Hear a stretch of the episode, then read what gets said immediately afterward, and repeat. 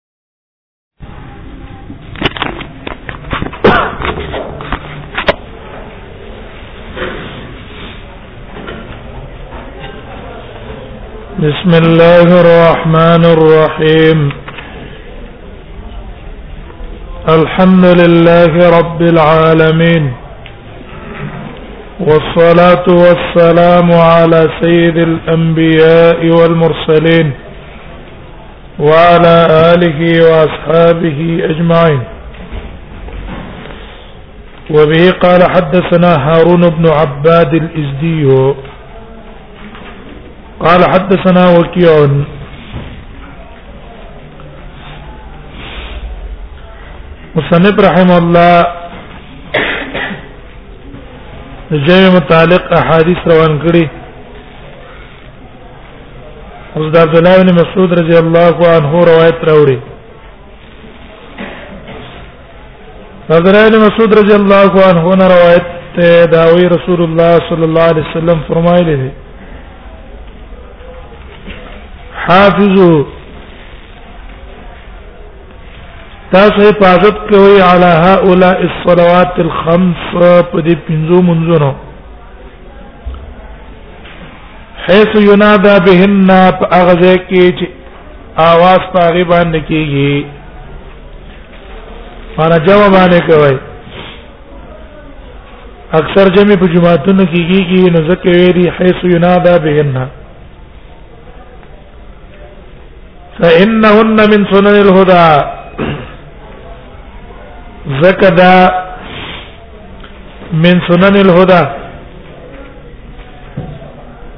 دا د هغه سنت نه دی چې تعلق د هدایت سره لري حافظو معنا صدا حفاظت معنا دا اعداؤها مستوفیه لشروطها دا پنځه وخت مون ادا کوي دا چې حال کې چې ټول شرطونه او ارکان په دې کې پوره موجود دي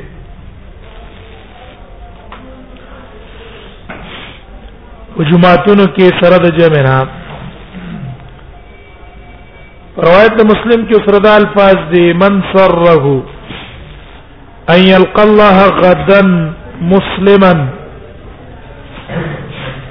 چاره چې دا خبره خوشاله چې دا ملاقات شي د الله سره سبا مسلمان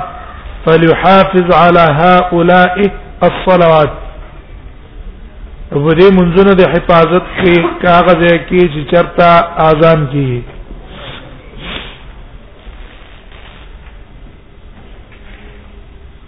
فإنهن من سنن الهدى وزکه دا د هغه سنت ندی چې کوم د هدایت والا دی سنن الهدى کې دا اضافت بیان دی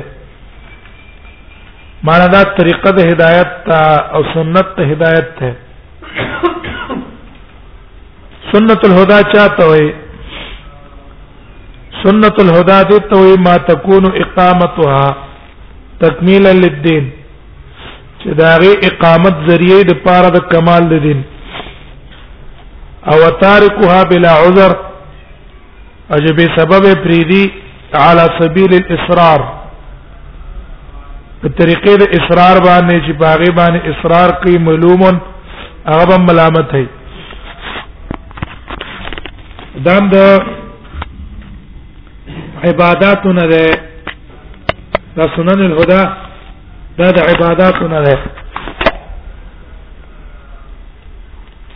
په خلاف د سنن زوائد سنن زوائد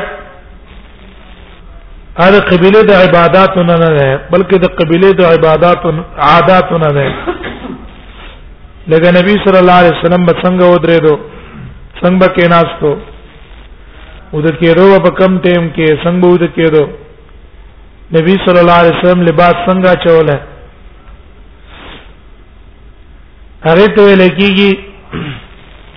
سنن زوائد سنن زوائد بارک موږ ویلو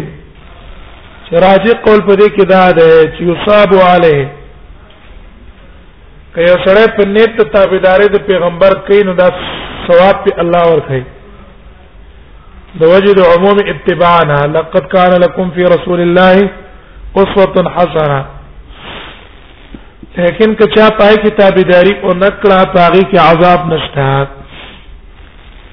دیو جن کم کسان چې مونږ ته وایي چې تاسو وایي هر عمل د رسول الله په کار ده وی لنګ مو وایي مونږ وایو چې دا لنګ وال سنت د هدایت نه نه ده سنن زوائد نه ده که یو سره لنګ په دینه ته تړي چې رسول الله صلی الله علیه وسلم کوي نه کړه خبره پدې کې نشته لیکن دا کم اعمال چې من کو دا د کمی قبیله نه ده من سنن الهدى ده دې په ستلو کې ثواب ده پر قصلو کې ملامتي اړه تارک بلا عذر على سبيل الاصرار معلوم ده ملامت کېدل شي په فإنها من سنن الهدى وإن الله عز وجل شرع لنبيه او الله تعالی مشروع کړی د پاره د خپل پیغمبر صلی الله علیه وسلم سنن الهدى هغه طریقې د هدایت هغه له مشروع کړی ولقد رايتنا پتا قسم خپل ځان لیدل دی مخ خپل ځان لیدل دی وما يتخلف انا نو پات کېدل عنها د دې مانځنا د جوی مانځنا ولقد رايتنا لذليل من خپل ځان وما يتخلف عنها نو پات کېدو د منځ جمعنا الا منافق مگر منافق سره بين النفاق چې داغه منافقت بخکارو جمل به ار یو تن راتلو مگر هغه انسان به جمل نه راتلو چې ښکارا منافق به منافق د نفاق نه ده نفاق په لکی ستر الكفر و اظهار الايمان کوپر پټ کړه ده ظاهر کی ایمان ښکارا کړه منافق چاته وي منافق آ کستو یستر کفره ويذر ایمانا دا اصل کې ماخوذ ده د نافقانا نافقا هغه سوري ته ویل کیږي د خادمای چې په یو سره ورننه وځي او په بل باندې وځي او ښکاری الته په انتظار کې ودرولې چې ځکه نه دلته لایما دا په بل طرف وته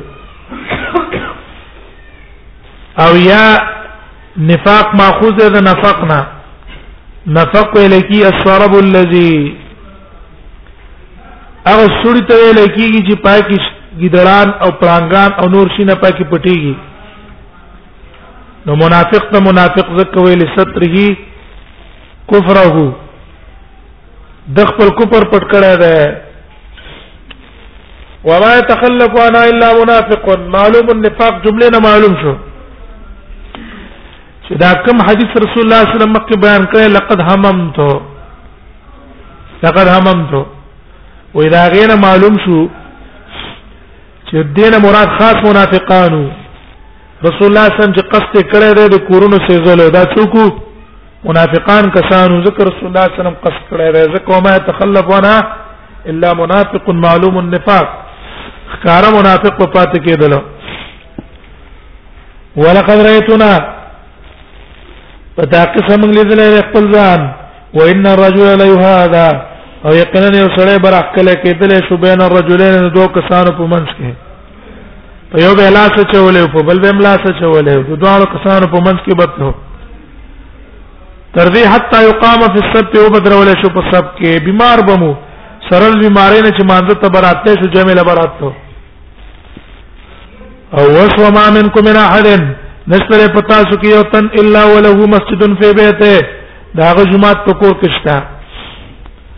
عبدالله مسعود ته کوم ځای نه پته ولګېدله چې اره وطن ځان له پکور کې جمعه جوړ کړه کې دې چې رسول عبد الله ابن عمر ته دیو جن پته چې د چې چا څخه خطاب کاو نو دا مخاطبین اکثر مسلمانانو او نپل منځونه په کورونو کې کول د وجه د عمل نه په حدیث د نسائی چې رسول الله صلی الله علیه وسلم نه نقل چې رسول الله صلی الله علیه وسلم فرمایي صلوا ايها الناس في بيوتكم اے خلق بکور کې مستوي فان افضل الصلاه فان افضل الصلاه فان افضل الصلاه یقینا بهترین په منځ کې په مانځ کې صلات المرء فی بیته منځ سړی په خپل کور کې الا المکتوبه مگر فرضی منځ په دغه حدیث باندې دی عمل کاو زکه ته ویل چې ما ته پته لري تاسو په کور کې زیاده مانده ده مونږ کوي تاسو ودا واورې ګوره ولا صلیتم فی بیوتکم نو که تاسو مونږونه په کورونو کې شروع کړ پرځي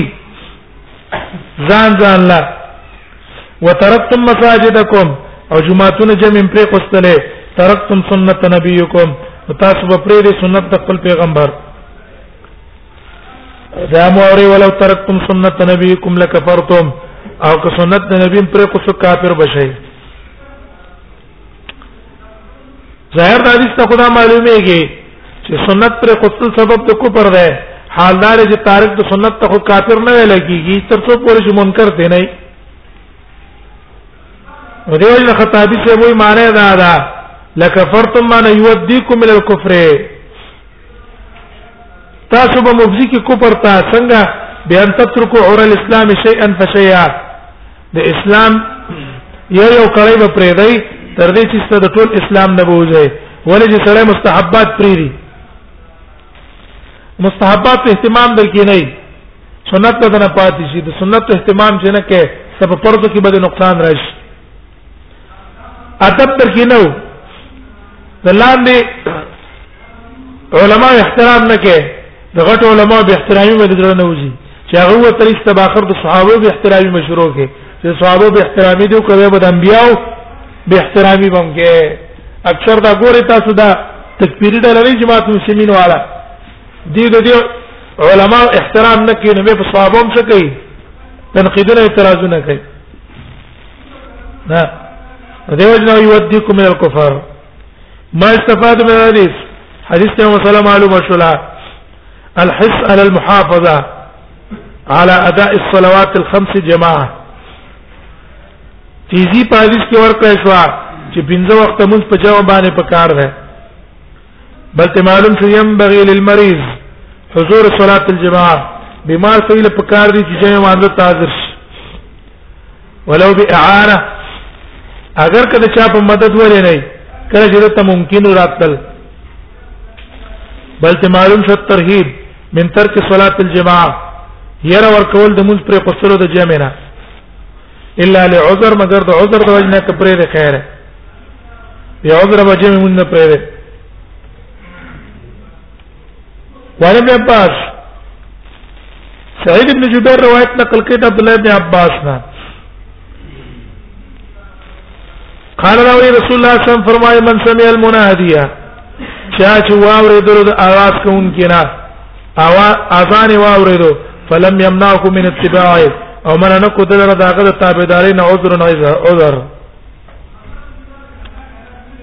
د سند کې مغرا العبدي ده مغرا العبدي امام ترمذی د بارک وايي حدیث ليس بالمعروف او خلاصه کې مجهول ته ویل چې دا مجهول نه نو د وجه دا روایت سندن کمزور دی من سمع المنادي ظاهر د حدیث ته معلومیږي چې دا وعید هغه چا د پاره دی چې اذان یې واورېدو لیکن علما وايي چې دا قید د قید د سما قید د سما دا بنا دی على سبيل الاغلبيه ولانسان غالب دا ده چې د کم جماعت آزاد اوري اق جماعت تزي اغلبي خلک کم جماعت تزي چې د کم جماعت آزان اوري نو اکثر غا اغلبا اقل ته ورځي نو دی وجه علی سبیل الاغلبیت هغه بیان کو تکوا اوس یو سره ده سره د مؤذن اذان وانه ورېدو خو ته پته ده چې وخت د جمع ده او پلان کې جمعه کې جمع ودرېږي نو دل باندې تل لازم دي د عذر نه چې ما ځان نه دی اورېدل اذان اورېدل نه دی دا له سبیل اغلبیت ته من سمع ان دا شیا چې واره د اذان او اجابت دا غونو کو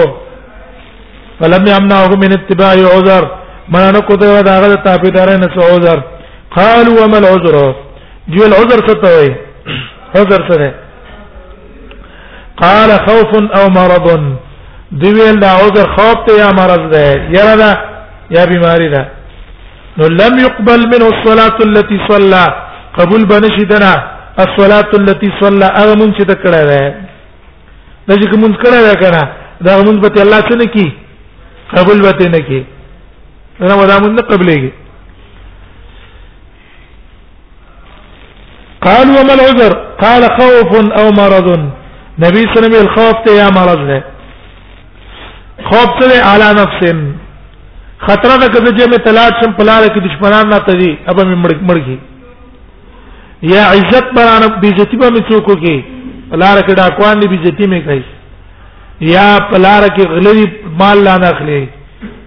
نو دی عذر د وجنه کې جمع د پرې خوسته خیر او مرض یا مرض ده تاسو مرض چې یشق ما هو الذهاب الى المسجد چې دا غیس ته تل جمعه ته سختي جمعه ته سختي تل سختي ها په دې اعذار کو به علما وایي ما باران هم نه باران د وجنه کې جمع د پرې خوسته لا یا ډېر سخت یخنی ده ډیر سخت یخنی ده جمعه ته نشه ته یخنی د وجه نه دا عذر ده په اعذارو کې چې مسقط ته د پاره د جماعت د جمع د وجه د حدیث د عبد الله ابن عمر را امام بخاری او مسلم راوړی ان رسول الله صلی الله علیه وسلم کان یامر مؤذنا وی نبی صلی الله علیه وسلم خپل مؤذن ته امر کاو يؤذن اذان به وکړو ثم يقول على اسره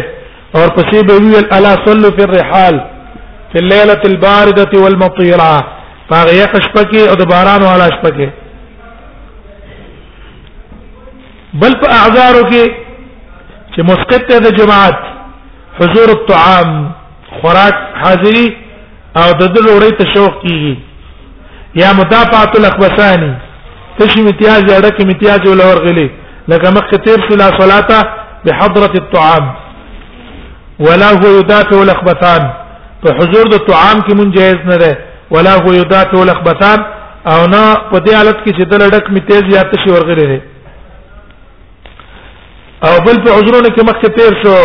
تاخير الامام الصلاه عن اول وقتها چې امام په اول ټیم باندې مونږ نه کوي نو رسول الله صلی الله علیه وسلم بزر ته ویلو صلی صلاه په وخت یا په اول ټیم کې ځان لمونځ کوا دا اعذار دي لم تقبل له بالکل بت الله قبلنا التي صلى هغه مونږ چې دا کړی وبقاصر سليمان بن حرب حضرت مکتوم واي انه سال النبي صلى الله عليه وسلم وإذا النبي صلى الله عليه وسلم تاسو کړلو فقال نبی رضی الله پیغمبره اني رجل ضرير البصر زه سليمان ضرير البصر پستر کو باندې وړم سریع البصر معنی پستر کو باندې وړوند دی ما شاشه الدار کور مې ډېر لري ده اني رجل ضرير البصر شاشه الدار کور مې لري ده ولي قائد لا يلاومني او زما یو قائد دی لا يلاومني چې ما سم موافقتم نه کوي کله کله نه ای لا یمنی مارا ما سره موافقت نه کوي دښوا چې دې ځای نه مې غزه پوری خپل ټیم بوزي فهل لي رخصه نو اشتل زمانه پر رخصت ان اصلي في بيتي ز بکور کې مونږ کوا قال نبی صلی الله علیه وسلم فرمایل هل تسمع النداء ایت اذان اوره قال نعم غلاو ز اذان اورم قال نبی صلی الله علیه وسلم فرمای الله اجد لك رخصه زنمن د کوم ستاد پر رخصت لا اجد لك رخصه سمانا دا معنی دا دا نمن د کوم تا ته د رخصت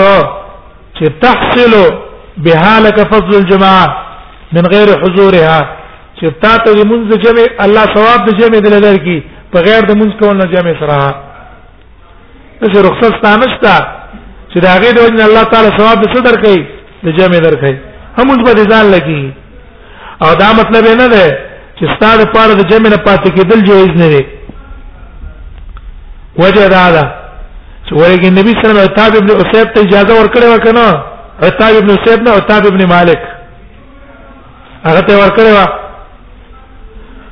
کله چې هغه نبی سم ته شکایت وکړو د خپل نظر چې اې الله نبی زما نظر کمزور دی دا هغه روایت امام بخاری او امام مسلم راوړی نبی سلام ورغه دا کور دا او کوم ذکر لمونځ کوما وې دلته راتاوخه نو هغه ته اجازه ورکړي د ورندوای د وجنا نو دتم اجازه وا نو لاجد لك رخصه معنا تسوا د څه رخصت نشته چې دا غي د وجنا ترا نشي او تعالی مونږ د جمع ثواب الله درکې د جمع ثواب اجر په تا ته ملاوي شي د څه رخصت نشته کني دا ورندواله خپل مې اوزر ده هم څه ده بیا ګور عبد الله بن مکتوم تر رسول الله اجازه ورنکړه کې ریش رسول الله سم ته پتا وا دغه حالت نه چې دا قادر دی پر خپل جمعات ته بغیر د مشقت نه دته پر اته کې تکلیف نشته دیو نه تر رخصت ول ورنکو کنه دا لوندواله ګوره عذر الاذان مسقطه د جماعت ته وبه قال حدثنا عبد الله بن مکتوم نے روایت ہے قال ذو ولد الله پیغمبر ان المدينه كثيره الهوام ان المدينه كثيره الهوام وې مدینه چې د كثيره الهوام په دې کې ډېر دي ماران لړمانان هوام زهريله حیوان ته وي هغه حیوان چې پای کې زهري زهر مار شو لړم شو والسباع دې کې درندګان ډېر دي او زید الله نبی په سترګو باندې ورون دی وا اسنه چې مار او لړم به پروت یو پاغه به ورشه مست به وچی چی او منظر بزم نو ما ته د الله نبی اجازه شته چې منظر نه زما قال نبی صلی الله علیه وسلم تصبح حي على الصلاه حي على الفلاح تحي على الصلاه حي على الفلاح اوري وي او نو نبی صلی الله علیه وسلم فحي هلا بصر عذاب حي هلا حي هلا حي هلا دا اسم فعل له مرکب ده د دوه شینو نه حي او هلا حي او هلا دا دوه معنا ده الحس والاستعجال معنی څه ده حس او استعجال تیزی ورکول قال رسول الله صلی الله علیه وسلم تولي الحي هلن دا د دې وجه چې رسول الله صلی الله علیه وسلم ته پته وا چې دته پراتلو کې څه ضرر نشته معنا لرمانو ته ضرر نه ور کوي نور سباو ته ضرورت نه ور کوي نو د دې لپاره د شي آزار نشته چې دا غي د وجه جمع نه پاتې کېدل در لپاره جایز دي کني مخ کې تیر شو چې خوف په خپل ځان باندې دا عذر د اعذارونه پیریږي په خپل ځان مخکې حدیث کې تیر شو کنه قالوا وما العذر قال خوف او مرض باب وكذا روى القاسم الجرمي عن سفيان ابو داود وي وكذا روى القاسم الجرمي عن سفيان واذا قصي غم دا روایت نقل کړه ده باب في فضل صلاه الجماعه بعد بيان فضيلت تمازو د جمع کې جمع د مانزه فضیلتونه اوس بیان د ابي بن كعب روایت ته قال صلى بنا رسول الله صلى الله عليه وسلم يوما الصبح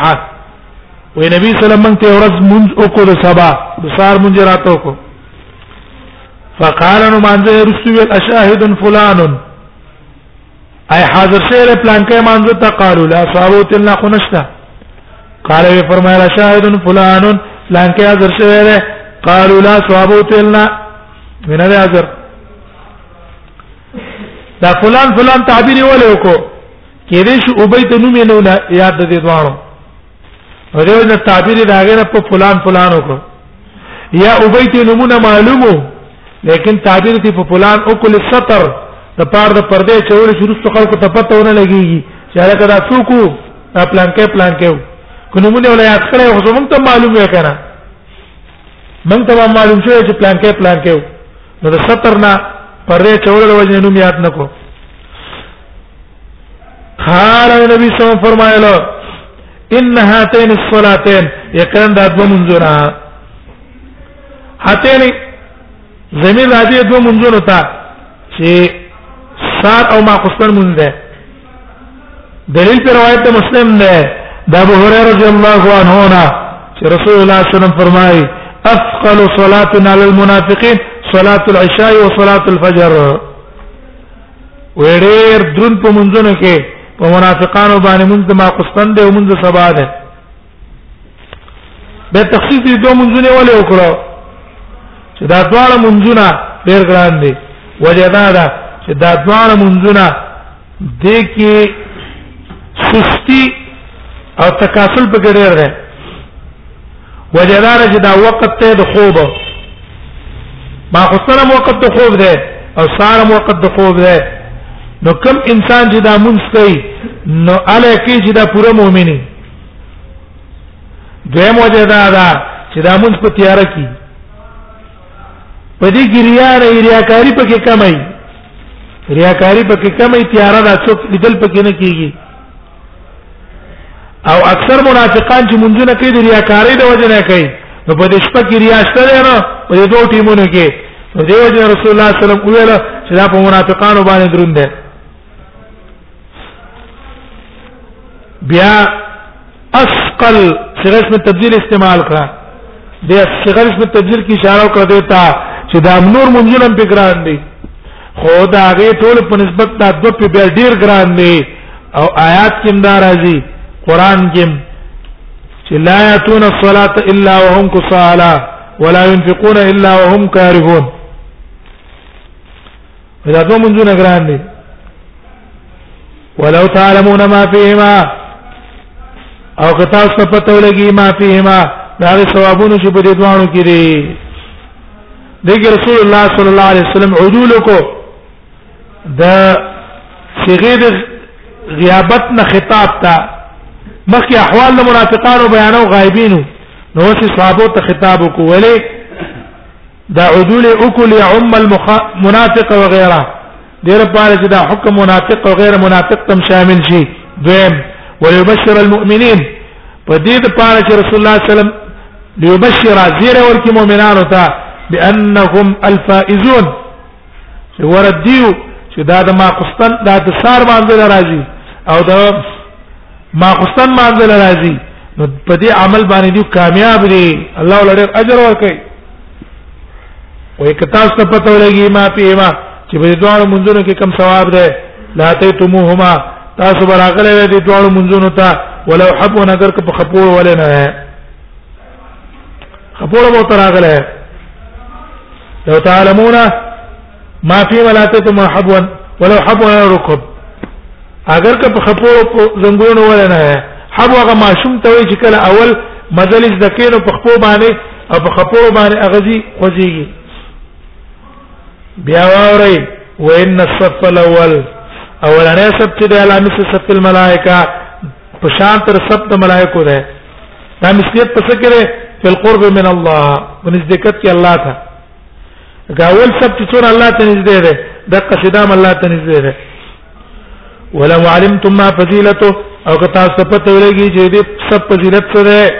لبتدرتمون تاسو به تاجیو کړو دې تا تاسو به کړه په تاتې باندې براغله هدا واوري وان صلاه الرجل مع الرجل منذ د سړي مع الرجل د یو سړي سره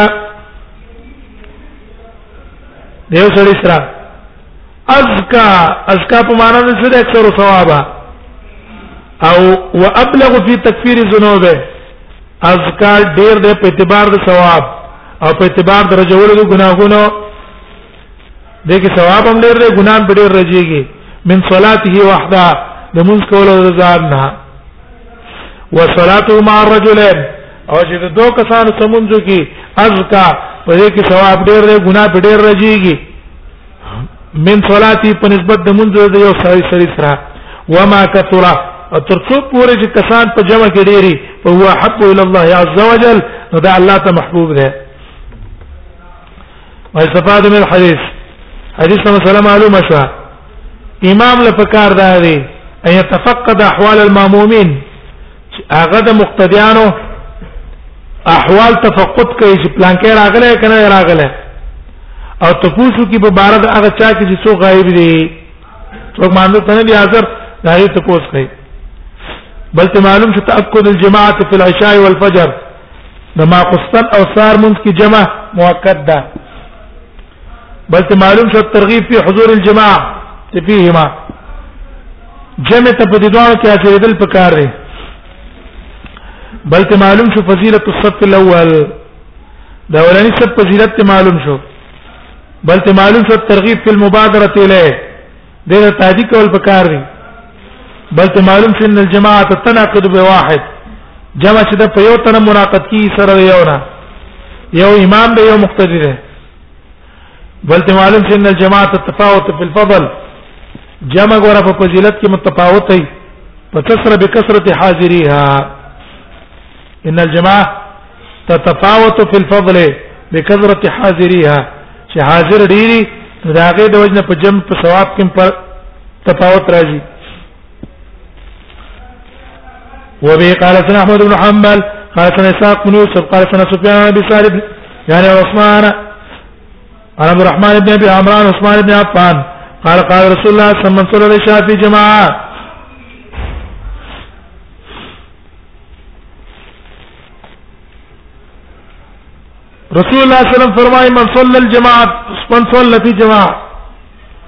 چا چې مونږ وکړو د ماخستن په جما په جما کان ک قیام نصف لیلا دا به د سی ثواب لکه نیمه شپه تهجد وکړه نیمه شپه عبادت باندې ولګولا ومن صلى الفجر صلى العشاء والفجر في جماعه او چا چې ما قسطن او د سار مونږ په جمع وکړو کان ک قیام لیلا دا به په شان ته د قیام د شپې ورد دې روایت کې دي چې صلى العشاء والفجر في جماعه چې د ماخستن او د سار مونږ شریک وکړو نو د ټول شپې عبادت ته ده لیکن پر روایت د مسلم کې د عثمان رضی الله عنه نه روایت ده التم د چا نه ده التم د عثمان نه ده هغه روایت کې دي چې من صلى العشاء في جماعه فكانما قام نصف الليل ومن صلى الصبح في جماعه ومن صلى الصبح في جماعه فكانما قام الليل ليل كله كله دا کنه معلوم شو دا چې د سار ثواب ډیر شو د ما قسطن نیمه شپه شو او ځان لږه د سار مونږ په جمع وکړو نو ټول شپه تهجد عبادت شو دغه روایت موطا کې ده موطا کې دغه روایت ده لیکن علما وايي علما چې پر روا روایت مؤتا او پر روایت د مسلم کې حذف ده حذف الته وصل کې څه ده من صلى الصبح من صلى العشاء في جماعه فكانما قام نصف الليل ومن صلى الصبح وال... ومن صلى الصبح والعشاء في ليله دا في جماعه عشاء لفظ شپه خو هغه حذف کړی دی نو د دې حدیث ته بالکل موافق راغی کنه چې ما خستر او سار مونږ کو ټول شپه شو او که صرف ما خستر دی کو نیمه شپه او چې صرف د سار مونږ کو نیمه شپه په روایت کې سره راغلی دی هغه روایت کې اختصار راغلی دی یعنی جدا جدا ده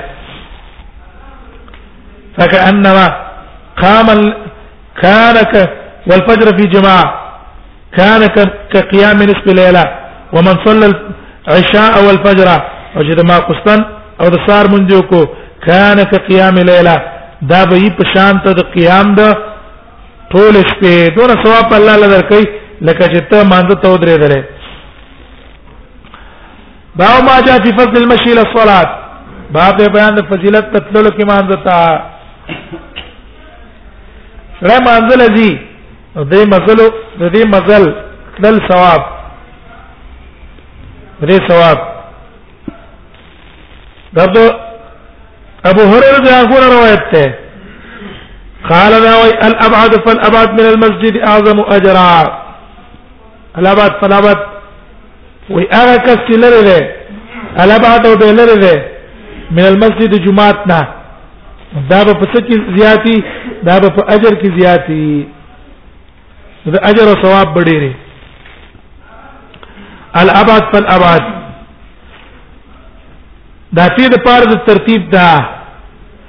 معنی دا ده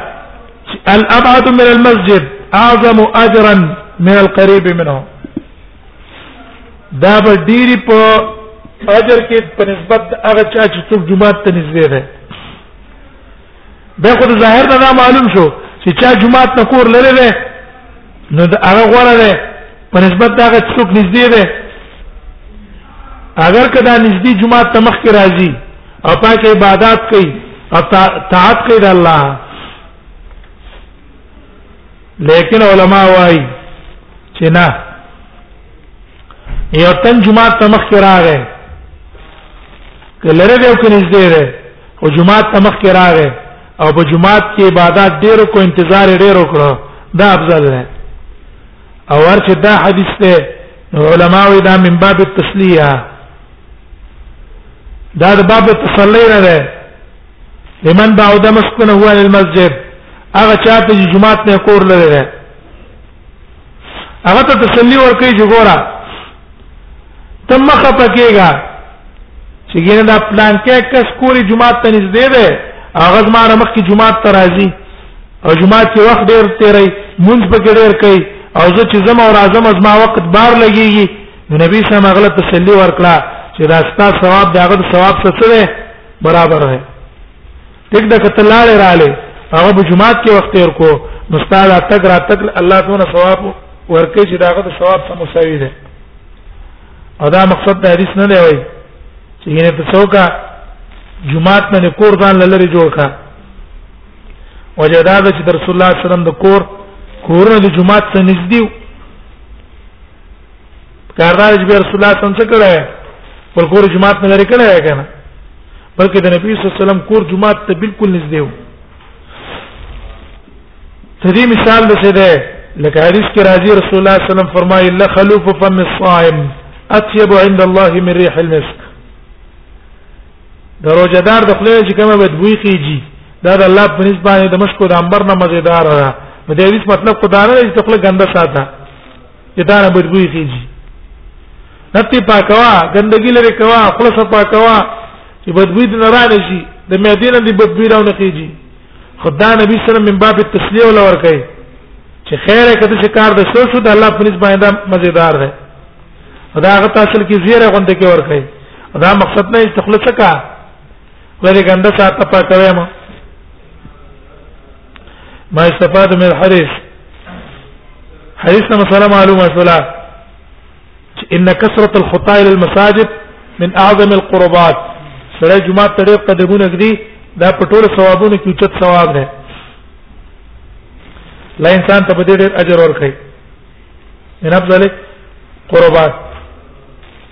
دا په ثوابونو کې افضل ثواب دی دا ته معلوم شي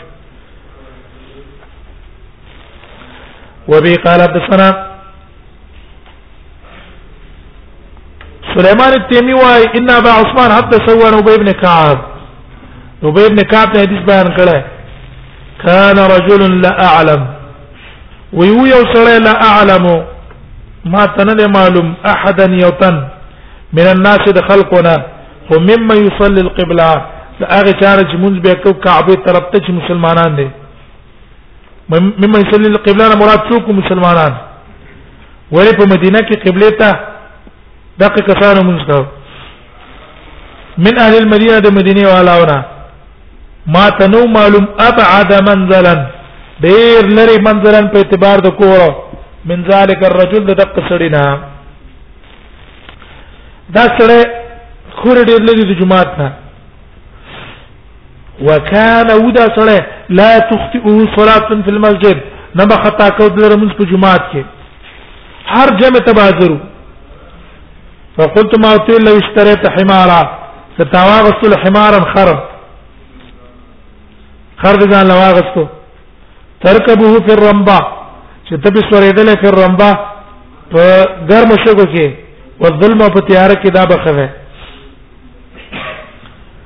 فقال هغه ویل ګوره ته خلا خر یاد کنه ما احب زدا خو خنه غړم ان منزلي الى جنب المسجد چې زما دا کو زما کور د جمعه غاړه ته دی د جمعه د غاړه ته زما دا خو خنه زما کور دی فنمي الحديث الى رسول الله صلى الله عليه وسلم دا خبره نبی صلی الله علیه وسلم ته ورسول شو فنمي الحديث دا خبره نبی صلی الله علیه وسلم ته ورسول شو نمیا صيغه مجهول لا یا صيغه د معلوم ده فنم الحديث من دي عبيد خبر رسول الله صلى الله عليه وسلم ته ورسولا نبی صلی الله عليه وسلم ته خبر ورسولا اگر روایت مسلم کې راځي او ابن ماجه کې وي فحملت به حملا وای زه دې خبره نه دونه درون شوم کنه چې حتا اتيت النبي الله صلى الله عليه وسلم من نبی سلام ترالم فذكرت ذلك له دا خبره مې تذکر کړه عملت ما اصلا دا ما باندې ډېر لوی وکړه دا څه مجنبوي څه ما کوخ وخت نه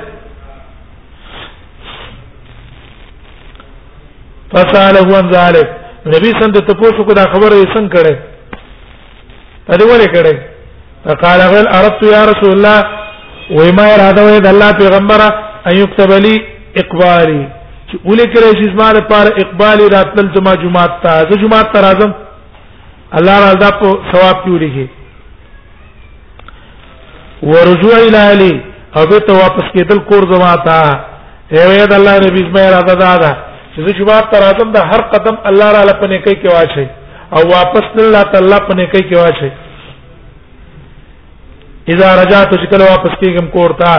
نبی صلی الله علیه وسلم اعطاك الله ذلك كله الله تعالی درکړه ټول انطاك الله واحتسبت كله او درک الله تعالی انطاك الله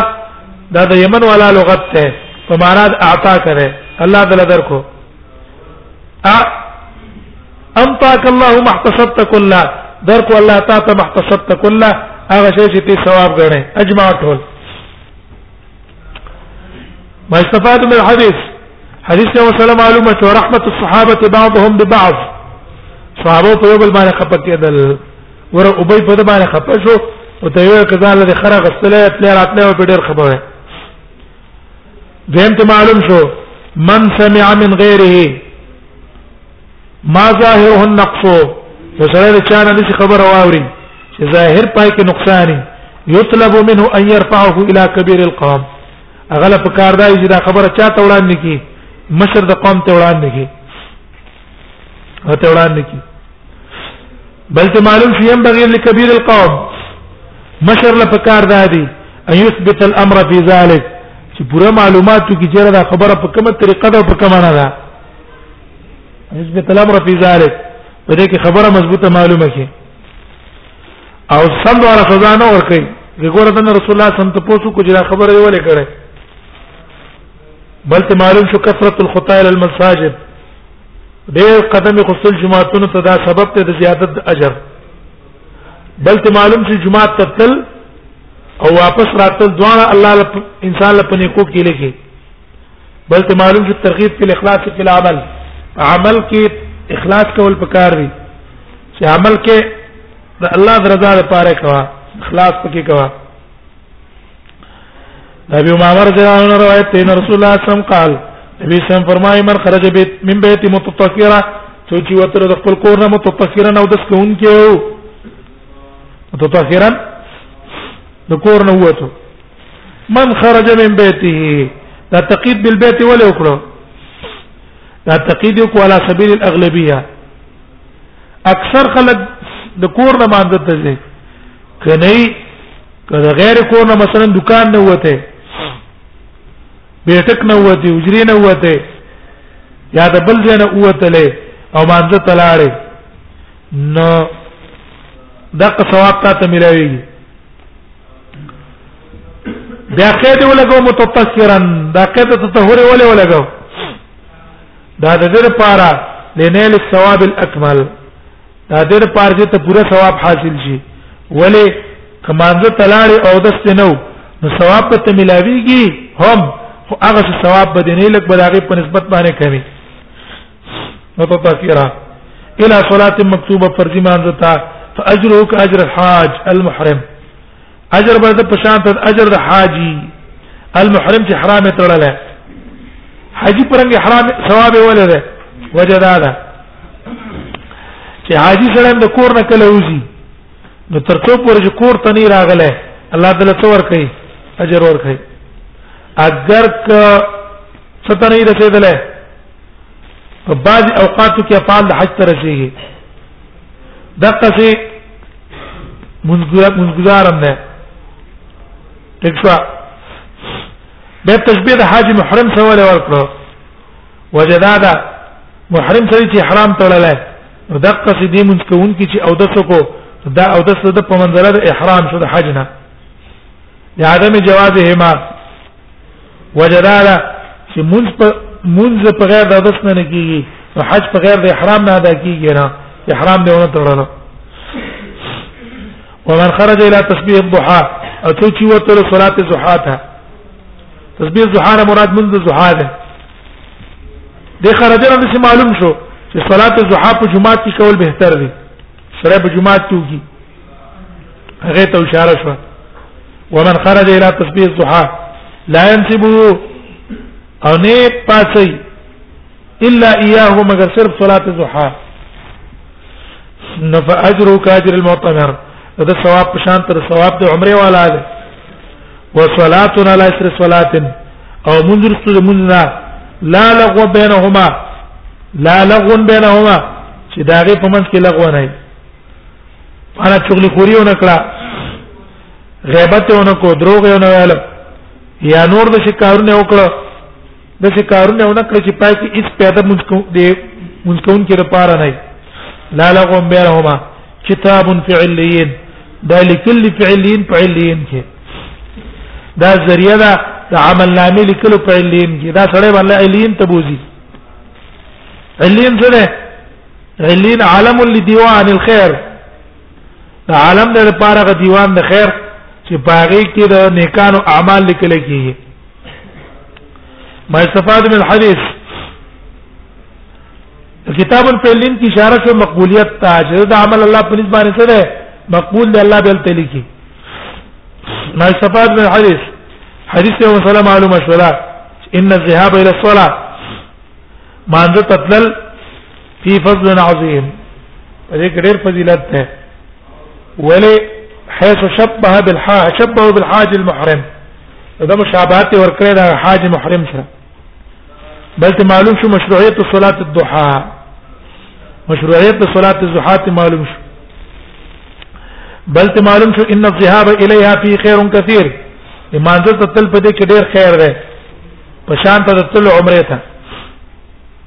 راځي عمره لذي بل ته معلوم شو مزید فضل الصلاتين فضیلت هغه دوه منځونه چې کوم وکړای شو لم يكن بينهما قول چې دا غي په منځ کې به پیدا خبره نه نو دا انسان د پاره ذریعہ ده د قبلې دلو د پاره وبه قال حدثنا مسدد قال سنا ابو معاويه عن الاعمش عن ابي سعيد عن ابي هريره قال قال رسول الله صلى الله عليه وسلم صلاه الرجل في جماعه نبی صلی الله علیه وسلم فرمایي صلاه الرجل في جماعه ويمن سړي په جماعه تزيد على صلاتي في بيته دا زيتيږي په مونږ د په بيتي په کور دده کې وصلاتی فی سوق او نار ایموندی په بازار کې 25 درجه په 50 درجه زړه ځان لمونځ کوي او بل په جمع باندې وکي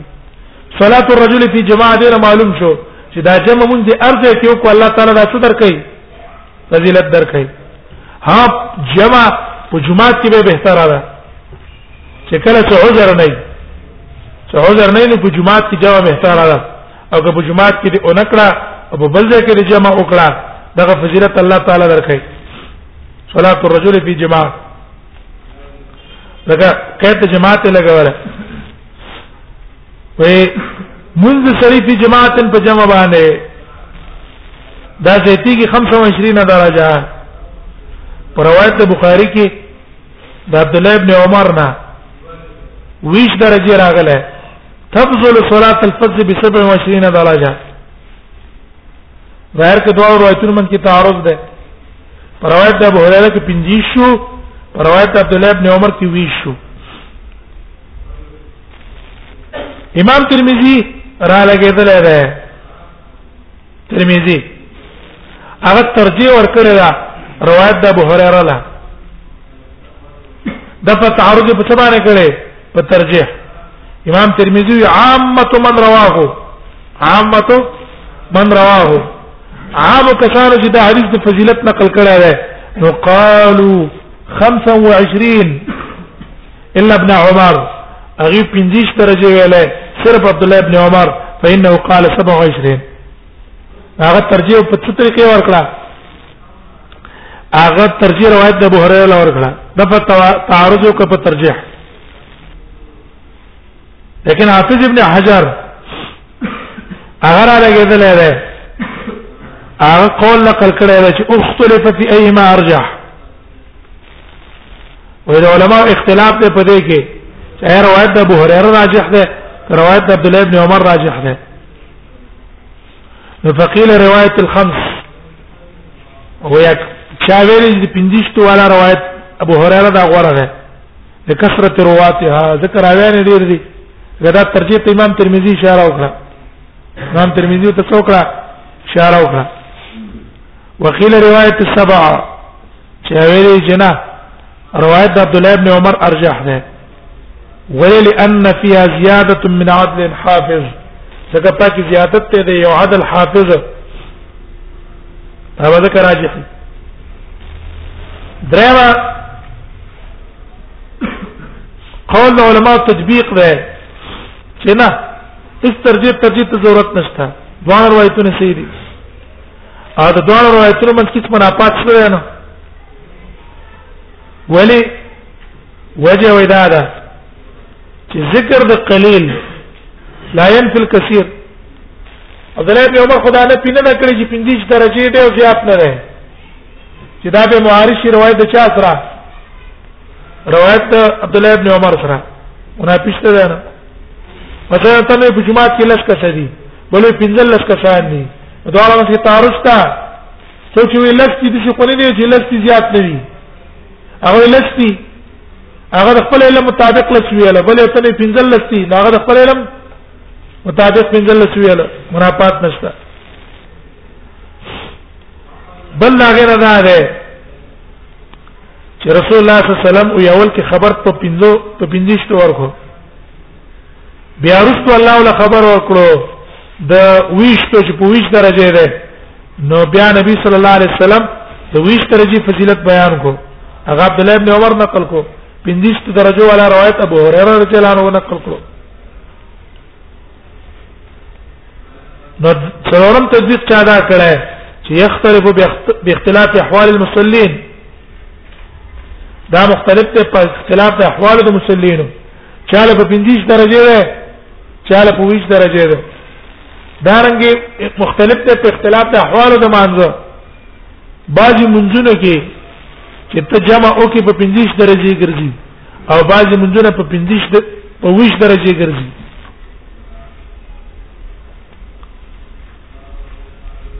په اعتبار د کمال صلات او محافظه او یا دا چې ویش درجه خاص ته په سار او ماخستن پورې یا سار او ماجیګر پورې او 50 درجه د دینه په غیر په نور منځونو کې ده یا د سی وایا چې 50 درجه د پشری منځ کې ده او 20 درجه په جهري مانځ کې ده بیا هغه را لګیدل حافظ ابن حجر هغه دا وجه ما په نسبت باندې ارجح ده دا څه ده دا ارجح ده چې دا پنځشتي په سری پوری شي او ویشتي بچا پوری شي دا په جهري پوری شي او بیا را لګیدل دی د زید ابن المنیر دی بعض اسباب ته فضیلت بیان کړی دی چې هغه اسباب مقتضی دي د پاره د زیادت د درجاتو لکه په دې حدیث کې رسول الله صلی الله علیه وسلم بعض اسباب د زیادت ذکر کړی کړه وذالک دا سبب د فضیلت بیان کو زید ابن المنیر هغه اسباب د فضیلت بیان کړی اسباب د فضیلت څه دي یو خو په دې حدیث کې بیان کړو وذالک بان احدکم اذا توضا وذکر چې وطن تاسو نو دسو کی فاحسن الوضوء خستو دسو کی واتل مسجد به جمعه تراشی لا يريد الا الصلاه او دې اراده نه مگر صرف د مانځو ولا ينهزه او نه پاتې دل یعنی الصلاه یعنی الا الصلاه صرف مونږ را پاتې نور اراده نه نو سبای لم يخط خطوه الا رفع على بها له نبا اخلي دا یو قدم مگر در پار پاغه درجه پورته کیږي او رجیږي بدن پای باندې ګنا حتا يدخل المسجد جمعه تنوزي ورنه سبب ته بیان کو او زین ابن المنیر هغه اسباب حساب کړی دي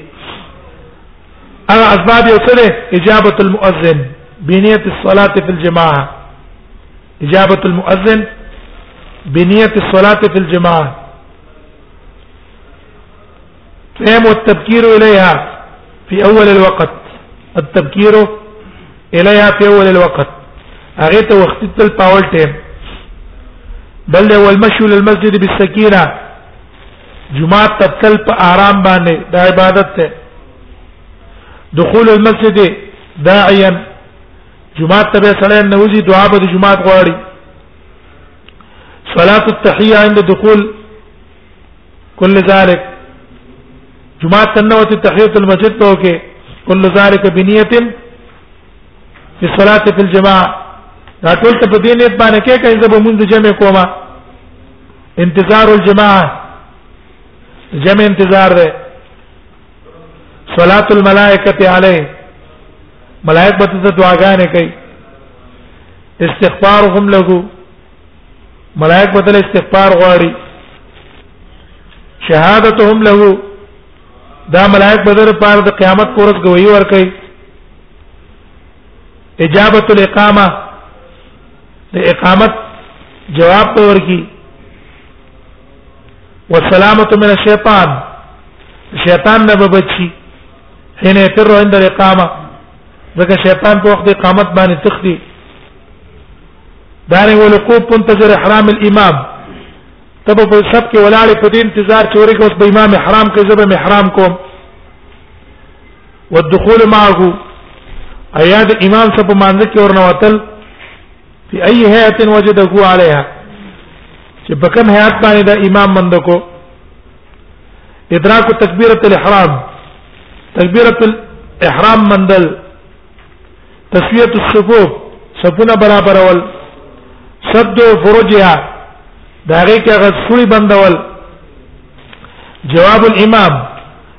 امام چې سمع الله لمن حمده وي ته ولا جواب ورکړي ربنا لك الحمد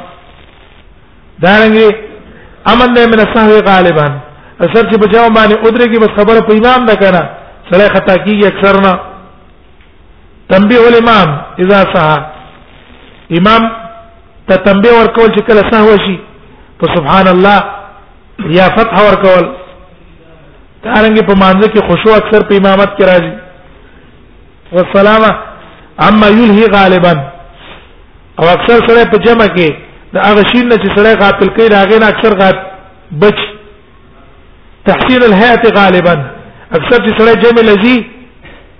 ځان برابر کی کور کې دونه سره اهتمام نه کوي دارنګي احتفاف الملائکه به مانځل چې ملائکه دنه غیرات تاوي دارنګه التدرب على تجويد القراءه چې امام په سودريږي نو دته مشق پیدا شي په تجوید د قرات کې را قرات څخه مزیدار کم تعلم الارکان ارکان زده کول دا به مزده کی دارنګي اظهار شعار الاسلام د اسلام شاعر په دې باندې ښکار کیږي ارغام الشیطان باجتماع العباده چې ته په عبادت باندې راځم چې شیطان په دې خپ کیږي التعاون على الطاعه په طاعت باندې وبس تعاون راځي نشاط المتکاسل د سره سستی نو د سستۍ د وجنه په دکی د جمع د وجنه سره راځي لکه تازه ګرش جمع سمون سری ته اساني په نسبت د ځان لکولو دا پکې راځي هم دارنګي په دې باندې سراجي رد السلام علی الامام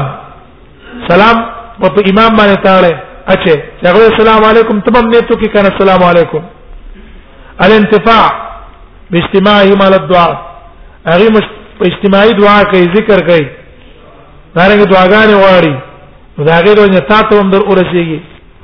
قیام نظام الالفه بین الجيران دا غاونانو په منځ کې د دې د وجه الفت راځي نو دا تقریبا 50 خصلتونه شو چې په هر یو کې امر او ترغیب راغلی دی او دو خصوصیتونه چې هغه خاص دي په جهري مانزه پورې چې هغه انصات ته عند قراءه الامام او الاستماع لها او التامين عند تامينه ليوافق تامين الملائکه نو دې علتونه معلومیږي چې دا 50 درجه چا پورې ده شری مانځ پورې او 20 درجه چا پورې ده جهري مانځ پورې دا غلط پیش کړه لیکن تور پښتي صاحب او طيبي صاحب تور پښتي او طيبي دا ډول علما وايي چې نه ان ذلك لا يدرك بالرأي رای رای څه تعلق نه لري ورستاد به آرام معلومیږي چې دا فضیلت د جمع صرف د جمعات پورې ده حالدار کې سره ځان له جمعات نه په غیر هم د جمع کی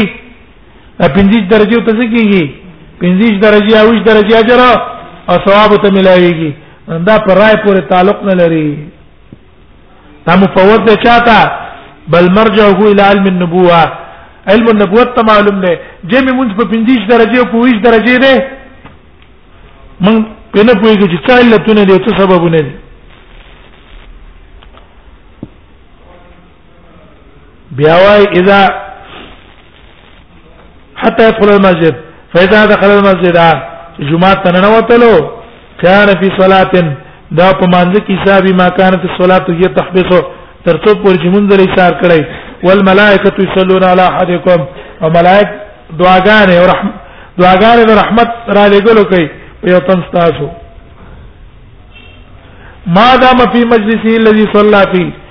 تر څو پورې د ناس په هغه مجلس کې چې کم کې مونږ کړه یقولون دا دعا او تکي اللهم اغفر له اللهم ارحمه یا الله بخنه توکا یا الله رحم توکا اللهم تب عليه یا الله یا الله توفیق ته توبه ولا ورخه ما لم يؤذي فيه وبشرط دې چې چاله کې څور نه کی zarar ور نه کی او يحدث فيه یا ځان پکې به ودس نه کی ځان به ورته کو دا په محرومي کې د چاره دعا د ملائکو نه محروميږي ما استفاد من حدیث حدیث معلوم شو فضل صلات مال جماعه جمع سمون کول افضل له نچانا على صلاه الفجر د ځان لمونځه بل ته معلوم شو جواز صلات المكتوبه في البيوت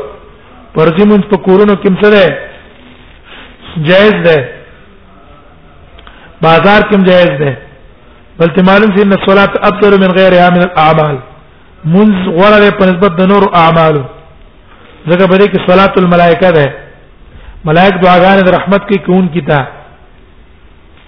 دعا د مغفرت متکي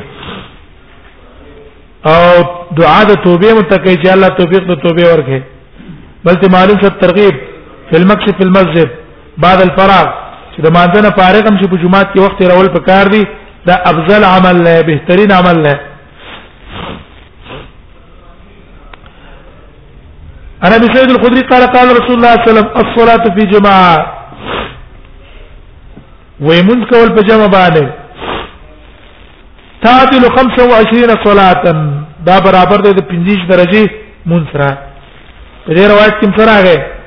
50 درجه باندې راغی واذا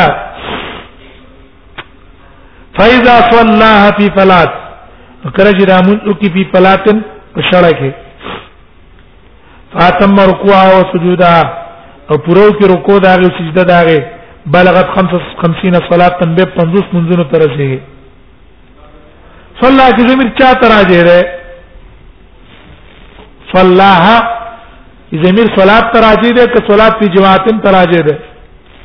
ابن رسلان وای واذا ضمیر راجی ده الصلات المعلومه من السياق چا صلات الجماعت ده فاذا صلى معنی دا ده کله چې دا مونږ جمع په شړه کې وکړو د جمعات په ځای باندې پڅ کې وکړل په یو شړه کې د جمع مونږ وکړو الته الله په څو درجه ول ور کوي 50 درجه دینه معلوم شي دا جمع جمعات پورې څه نشوا خاص نشوا کنه ولې پلات کې جمعي جمعاتي جمعات کې تنشتا فإذا صلى جمع مونږ په شړه کې وکړو یا په هغه ځینو کې کو چې کم ځینې د غفلت دي او حالت یې چې مونږ کو الله ولا پډیر درجو باندې بلند نه نو په 50 درجه ولې کې ډیر معلوم شو چې هغه شرط دی کې جمع مونږ کول بهتر شو په نسبت ته عام دی کې دویم شوکانی سے وایي چې نه صلاح کی ضمیر ځان لمن تراجه ده ځان له وی وجه وجه دا ده چې صلاه چې ضمیر راځي د مطلق صلات ته نه هغه جماعت ته چې نه هغه مونږ ته چې مقید نه په جمع او دلالت پاغه باندې روایت کې چې امام ابو داود ذکر کړی د عبد الواحد ابن زیاد نه عبد الواحد بن زياد نه څنګه وګوره قال ابو داود قال عبد الواحد بن زياد عبد الواحد بن زياد په دې حدیث کې ویلي صلاه الرجل في الفلاة تضاعف على صلاته في الجماعه اے في الجماعه نو مقابل جماعت شو کنه شو کوم مونږ ته مراد شو ځان لمز وې ځان له په بیان کې وکړو نو هغه په 50 درجه ده نو چې په بیان کې په جمع باندې وکړو نو 50 له 50 کې سره ورکا 25 کې چا څه چې 25 کې ضرب په ورکو نو څو ته جوړ شو 50 لا چې په 25 کې ضرب ورکړو دنیم زره ته جوړ شو څو دنیم زره ته جوړ شو په دنیم زره درجه باندې به ثواب دی اوس په پیښه کې پېنه شوي ابن رسلان د قول مطابق چې جمع باندې د موږ په پلاس کې وکړو نو په پنځه په 50 درجه ده او د دې شوکاری صاحب د قول مطابق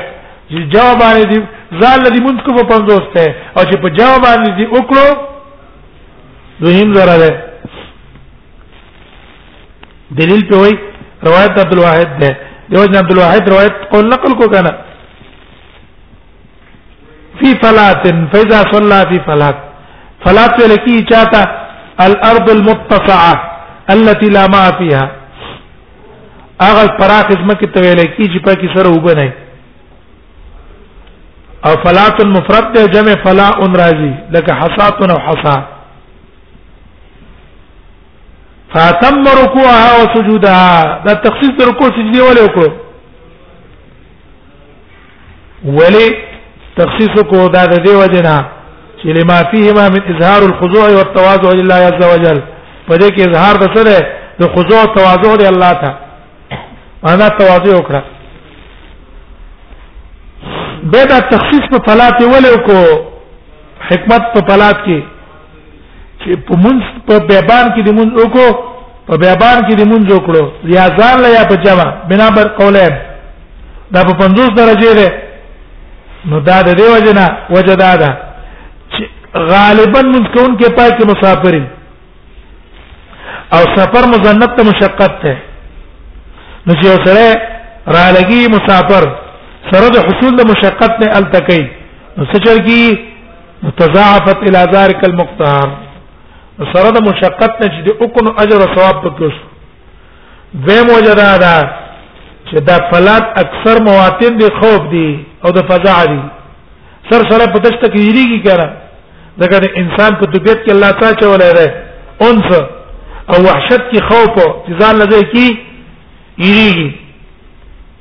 نو چې په داسې خوف په ټیم کې دا په مانځ کې متوجه دی الله ته رکوع سجده په سي طریقه باندې ادا کوي نو الله ولا اجر په ډیر ورکړي بل دا ده چې فلاک کې اکثر ریا نه نه خدای نه کنا څوک تانی نه او په داسې ټیم کې تر رکوع سجده سي ادا کوي نو دا دلیل په کمال تقوا ده دا سره دا پوره متقی انسان دی او دا د مخلص انسان کار دی ځکه ولا لوړې اجر ولا ورخی وساق الحديث ما استفاد من الحديث حديث معلوم شو فضل فضل الصلاه الجماعه فضیلت د موږ جمع معلوم شو بلته معلوم شو فضل الصلاه فی الصلاه چې په ځان له بیان کې موږ کول دا ډېر فضیلت لري بلته معلوم شو چې حصول ثواب الصلاه انسان ته چې الله اجر او ثواب ورکړي دا کله ورکړي لا يكون الا باتمام ارکانها ارکان پورا ادا کی قال ابو داود غرض من خپل بیان کو چې هغه سره